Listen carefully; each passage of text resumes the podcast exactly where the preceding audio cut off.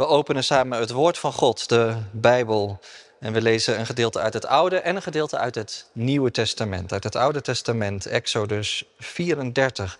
Mozes is op de berg Sinaï geweest. Hij heeft de woorden van God gehoord. Tien woorden ook opgeschreven op stenen tafelen.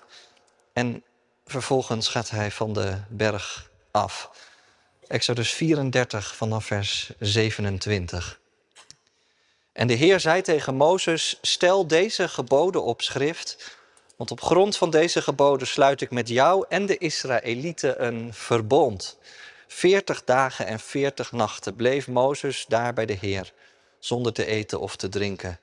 En hij schreef de tekst van het verbond, de tien geboden, op de platen. En Mozes daalde de Sinaï af, met de twee platen van het verbond bij zich. En hij wist niet dat zijn gezicht glansde doordat hij met de Heer had gesproken. Toen Aaron en de andere Israëlieten de glans op Mozes gezicht zagen, durfden zij niet naar hem toe te gaan. Maar Mozes riep hen bij zich. Aaron en de leiders van het volk kwamen bij hem en Mozes sprak met hen. En daarna kwamen ook de andere Israëlieten. Hij droeg hun op zich te houden aan alles wat de Heer hem op de Sinaï had gezegd. En toen hij uitgesproken was, bedekte hij zijn gezicht met een doek. Steeds wanneer Mozes voor de Heer verscheen om met hem te spreken, deed hij de doek af, totdat hij weer naar buiten kwam. Als Mozes de Israëlieten dan zei wat hem opgedragen was, zagen zij hoe zijn gezicht glansde. Daarna bedekte hij zijn gezicht met de doek, totdat hij opnieuw met de Heer ging spreken. En uit het Nieuwe Testament lezen we Matthäus 17, vanaf vers 1 tot en met 9. Zes dagen later nam Jezus Petrus, Jacobus en diens broer Johannes met zich mee een hoge berg op, waar ze alleen waren. En voor hun ogen veranderde hij van gedaante. Zijn gezicht straalde als de zon en zijn kleren werden wit als het licht. En plotseling verschenen aan hen Mozes en Elia, die met Jezus in gesprek waren. En Petrus nam het woord en zei tegen Jezus: Heer, het is goed dat wij hier zijn. Als u wilt, zal ik hier drie tenten opslaan: één voor u en één voor Mozes en één voor Elia. Hij was nog niet uitgesproken of de schaduw van een stralende wolk gleed over hen heen en uit de wolk klonk een stem. Dit is mijn geliefde zoon, in hem vind ik vreugde, luister naar hem. Toen de leerlingen dit hoorden, wierpen ze zich neer en verborgen uit angst hun gezicht. Maar Jezus kwam dichterbij, raakte hen aan en zei, sta op, jullie hoeven niet bang te zijn. Ze keken op en zagen niemand meer. Jezus was alleen. En toen ze van de berg afdaalden, gebood Jezus hun: praat met niemand over wat jullie hebben gezien, voordat de mensenzoon uit de dood is opgewekt. Dit is het woord van God. Gelukkig ben je als je het hoort en eruit leeft. Amen. Gemeente van Christus. Iedereen die hier in de kerk aanwezig is, broeders en zusters. Iedereen die thuis verbonden is met deze plek. Gebeurde een tijdje geleden een Amerikaanse kerkdienst die het nieuws in Nederland haalde. En dat gebeurt natuurlijk niet zo vaak. Van het jeugdjournaal tot de krant, allemaal besteden ze er aandacht aan. En misschien weet je wel waar ik het over heb over de zogenaamde Asbury Revival. Een opwekking, zo werd het wel genoemd, in een universiteitsstadje in de Amerikaanse staat Kentucky. was een dienst begonnen op woensdagavond, gewoon een hele normale dienst zou je zeggen, zoals die er elke week was. Maar anderhalve week later was die dienst nog steeds niet afgelopen. Ging gewoon non-stop door. In plaats van af te ronden waren de deelnemers doorgegaan met zingen en met bidden, Non-stop aanbidding en gebed. Ik las in de Washington Post, er waren helemaal geen bekende christelijke aanbiddingsleiders bij. En er waren ook geen beroemde sprekers. Er was helemaal niets anders om voor te komen dan voor Gods aanwezigheid. Inmiddels is die samenkomst wel afgelopen, maar ik vroeg me af hoe zouden die studenten en die deelnemers zich hebben gevoeld toen het eindelijk afgelopen was. Een einde aan toch wel een heel bijzondere, indrukwekkende periode. Alsof ze even in de hemel waren geweest, zo stel ik het me voor. En nu weer terug naar de laagvlakte van het alledaagse bestaan. Terug in de culture war, in een wereld van veroordeling, gebroken beloftes, dagelijkse beslommeringen. Kon het maar altijd zijn zoals toen en daar. Konden we daar maar altijd blijven. Nou ja, het lijkt erop dat dat nou precies is wat Petrus denkt in dat stuk dat we lazen, daar op die berg. Hij zegt dit, laten we drie tenten opslaan. één voor u en één voor Mozes en één voor Elia. Want het is goed dat wij hier zijn. En als je bedenkt wat Petrus allemaal heeft gezien, dan begrijp je wel waarom hij zo'n voorstel doet. Want wat hier gebeurt is zo bijzonder, daar wil je nooit meer bij weg. Jezus is met drie van zijn leerlingen een berg opgegaan, een hoge berg op om een tijdje alleen te zijn. En, en dat doet hij wel vaker in het evangelie. Even weg bij al die mensen en bij al het geroezemoes, weg uit de drukte. Stille tijd houden op een plek waar die dicht bij de hemel is. Weg uit de laagvlakte omhoog. En op die plek is Jezus dan gaan bidden. En dat doet hij ook wel vaker. Bidden, alleen zijn met de Vader. Maar het gebed is nu zo intens dat zijn gezicht ervan gaat stralen als de zon en zijn kleren worden wit van het licht. Jezus ondergaat een hele gedaanteverwisseling. In het Grieks staat er dit woord, een metamorfose. De glans van de hemel valt over hem heen. En de heerlijkheid van God straalt als het ware van hem af. Doet meteen denken aan die andere lezing hè, uit, uit Exodus. Het zal blijken dat er nogal wat verbindingen liggen tussen dat boek Exodus en, en wat er hier op deze berg gebeurt. Maar een van die verbindingen is dat stralende gezicht. Want dat had de profeet Mozes ook toen hij de berg Sinaï afkwam. Dan had hij een ontmoeting met de Heere zelf gehad. En in die ontmoeting had hij woorden meegekregen voor het volk. Neem dat mee en vertel ze dat. En als hij dan de berg afkomt, dan straalt zijn gezicht. Zijn gezicht straalt zo dat, dat de mensen bijna niet bij hem durven te komen. Mozes moet ze zelf roepen, kom maar. Aaron en de leiders en later het hele volk, kom maar. Ik zal jullie vertellen wat God mij verteld heeft. Wat dan? Nou, dat kun je lezen in de boeken Exodus, maar ook Leviticus. Al die woorden van God voor het volk. Zo moeten jullie leven. En ik licht er één ding uit vanmorgen, want dat is wel belangrijk. Jullie moeten ook een tent bouwen. Had God gezegd tegen Mozes.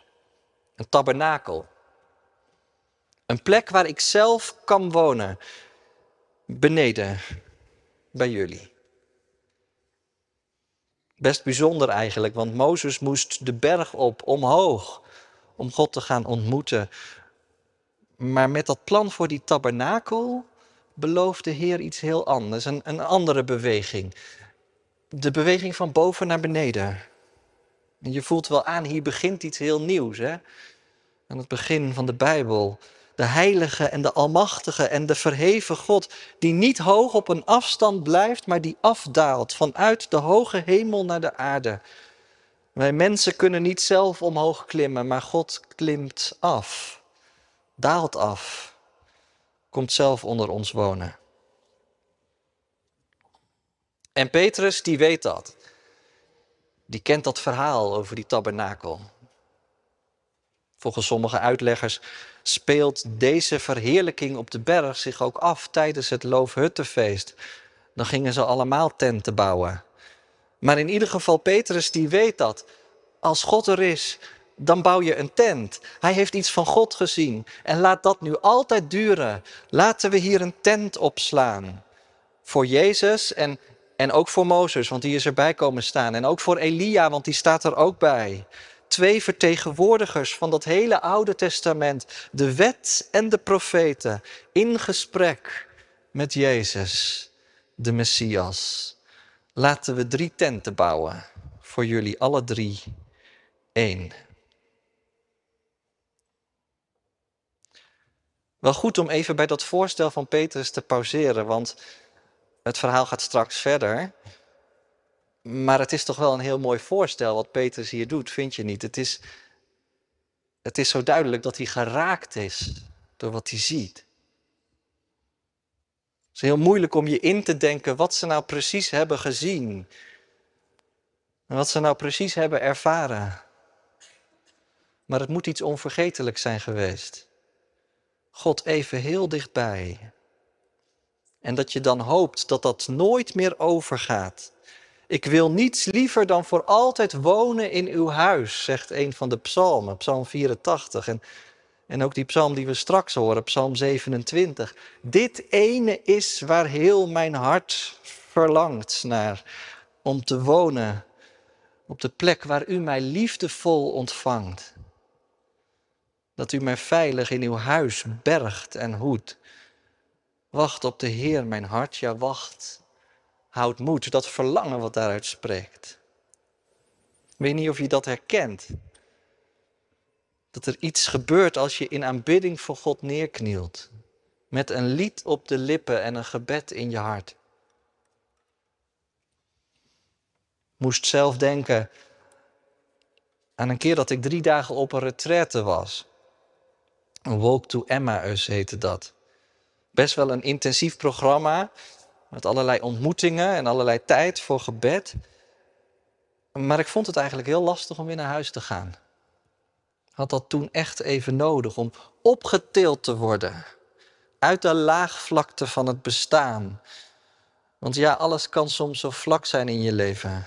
Ook in je geestelijke leven, laten we heel eerlijk zijn.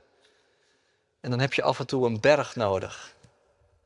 Om weer even heel dicht bij de hemel te komen. Ik dacht, zou je die ervaringen nou zelf kunnen maken? Ik weet het niet. Ergens moet de geest dat natuurlijk altijd doen.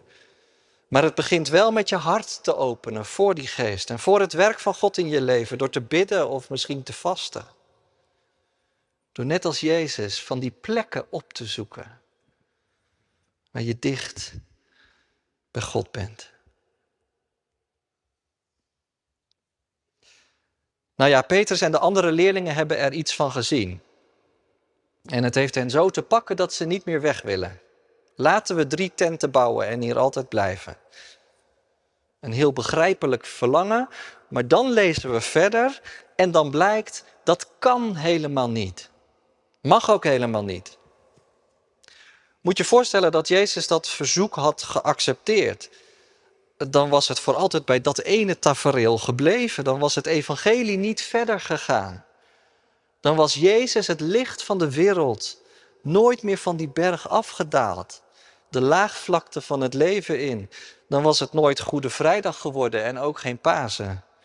En dan hadden ook wij vanmorgen hier niet gezeten. Nee, het verhaal moet verder gaan. Jezus moet weer van de berg af. En weet je wat zo bijzonder is? Dat Mozes en Elia en Jezus het nu precies daarover hebben. Want waar hebben ze het over met z'n drieën?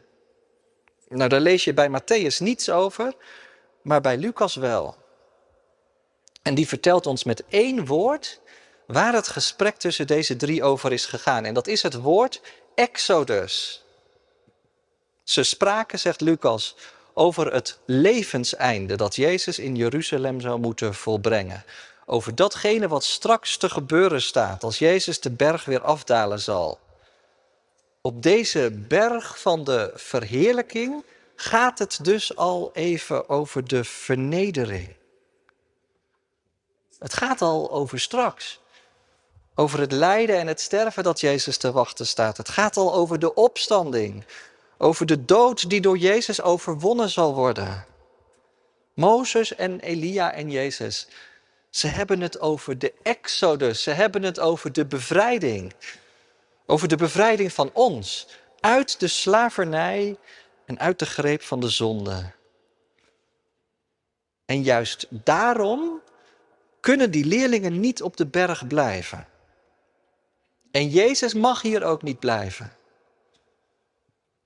Ook al wil Petrus het nog zo graag. En moet je kijken wat er daarom gebeurt. Want Petrus is nog niet uitgesproken, staat er letterlijk. Of God zelf legt als het ware een hand over zijn mond. Want ineens is er die lichtende wolk. En die valt als een schaduw over hen heen.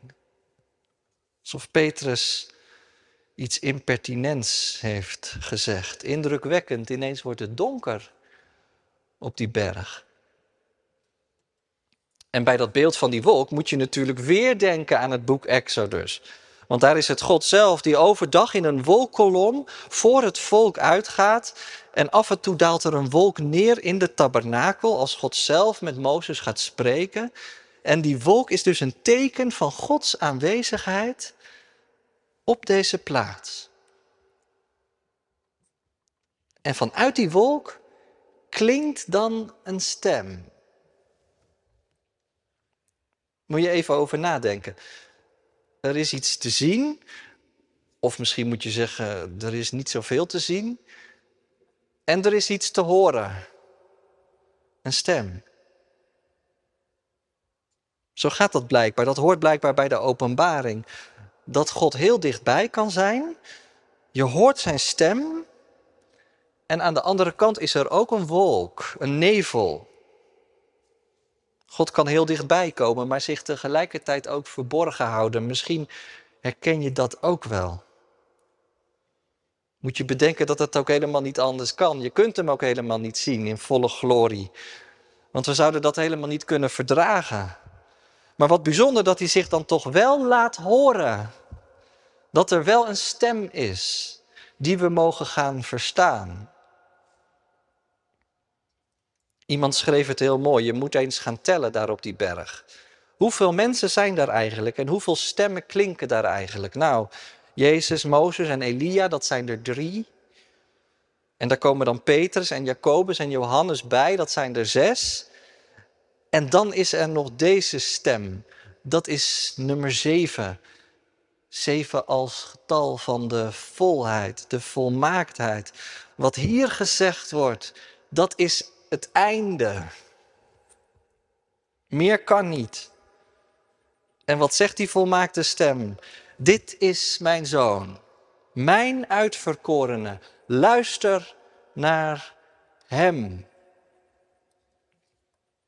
Die stem die zegt dus, je luistert nu naar mij en luister voortaan naar hem. Want wat hij zegt, dat zijn mijn woorden. Alles wat Mozes ooit vanaf de berg naar het volk had gebracht, de tien woorden en alle andere woorden van God, worden vervuld in deze ene persoon. Luister naar Hem. Als je Hem hoort, dan hoor je mij. Als je Hem volgt, dan volg je mij. Misschien ben je wel op zoek naar een tabernakel in je leven, een plek waar je God verstaat. Zijn er dingen die je van God wil weten? Is er een plek waar je dicht bij God kunt zijn?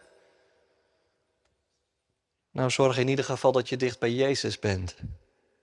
En dat je dicht bij Jezus blijft. Hoor naar Hem. En weet je wat zo mooi is in deze geschiedenis? Dat je dan meteen al ziet wat er dan gebeuren kan als je dicht bij Jezus bent. Want moet je kijken wat Jezus doet als die stem heeft geklonken. Dan moet je eerst bedenken dat de leerlingen bij het horen van die stem van God plat voorover in het stof zijn gevallen. Sterker nog, ze verbergen hun gezicht uit angst. Zo snel kan het dus omslaan. Zojuist wilden ze hier wel altijd blijven, maar nu, nu ineens kruipen ze op de grond met het hoofd in de handen en weten ze niet meer waar ze het zoeken moeten uit vrees. En ze zeggen ook al helemaal niets meer. Hoe kan het ook anders? Wie zal God zien en leven? Wie durft nog het woord te nemen als de stem van de eeuwige heeft geklonken? Enige dat nog past is toch heilig ontzag. Je wordt stil als je er diep in het hart van overtuigd raakt dat het echt waar is. Je wordt stil als je erachter komt dat er een God is die zich met jou bemoeien wil. Die je mag dienen elke dag. Die met je op wil trekken. Achter wie je aan mag gaan. Maar dan begint er toch iemand te spreken. Wie nou dat is Jezus? Jezus gaat spreken als die leerlingen niets meer zeggen. En wat zegt Jezus dan? Het woord dat vlees geworden is, gaat spreken. Hij zegt, sta op. Wel bijzonder, hè? Jezus kwam dichterbij. Heel dichtbij staat er. En hij raakte hen aan en hij zei: Sta op en wees niet bang. Nou, je ziet dus meteen wat er gebeurt als God zich met ons gaat bemoeien. Je ziet meteen wat er gebeurt als Jezus gaat werken in je leven. Jezus tilt die drie bange leerlingen gewoon op en hij zet ze weer op de been. Sta op uit het stof omhoog en wees niet bang, maar ga op weg. Achter mij aan. Je mag gewoon de berg af. De laagvlakte van het bestaan weer in. Wees niet bang. Ik las ergens dat het meer dan 365 keer in de Bijbel staat. Die woorden wees niet bang. Voor elke dag een keer. Voor de leerlingen ook op deze dag. Ze hoeven niet bang te zijn, want Jezus is erbij en Jezus blijft erbij. Hij gaat met hen mee de berg af, het leven in. En dicht bij hem worden de angst en de onzekerheid en de leegte vervangen door geloof en hoop en liefde. Wat is het evangelie? Toch indrukwekkend rijk.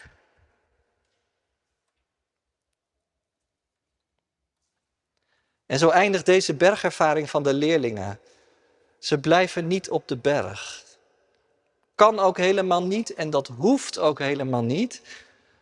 Want als ze de berg afdalen, de laagvlakte van het leven in, dan gaat Jezus met hen mee. Johannes zegt, het woord dat mens geworden is en dat onder ons heeft gewoond. Je kunt dat woord ook vertalen dat onder ons heeft getabernakeld. Die tent, daar is die weer. En weet je, dicht bij Hem is het goed. Dicht bij Hem wil ik zijn. Jezus, de haard van uw aanwezigheid, zal in ons hart een vreugdevuur ontsteken. Gij gaat vooraan. Gij zult ons niet ontbreken, gij hoge priester, tot in eeuwigheid. Amen.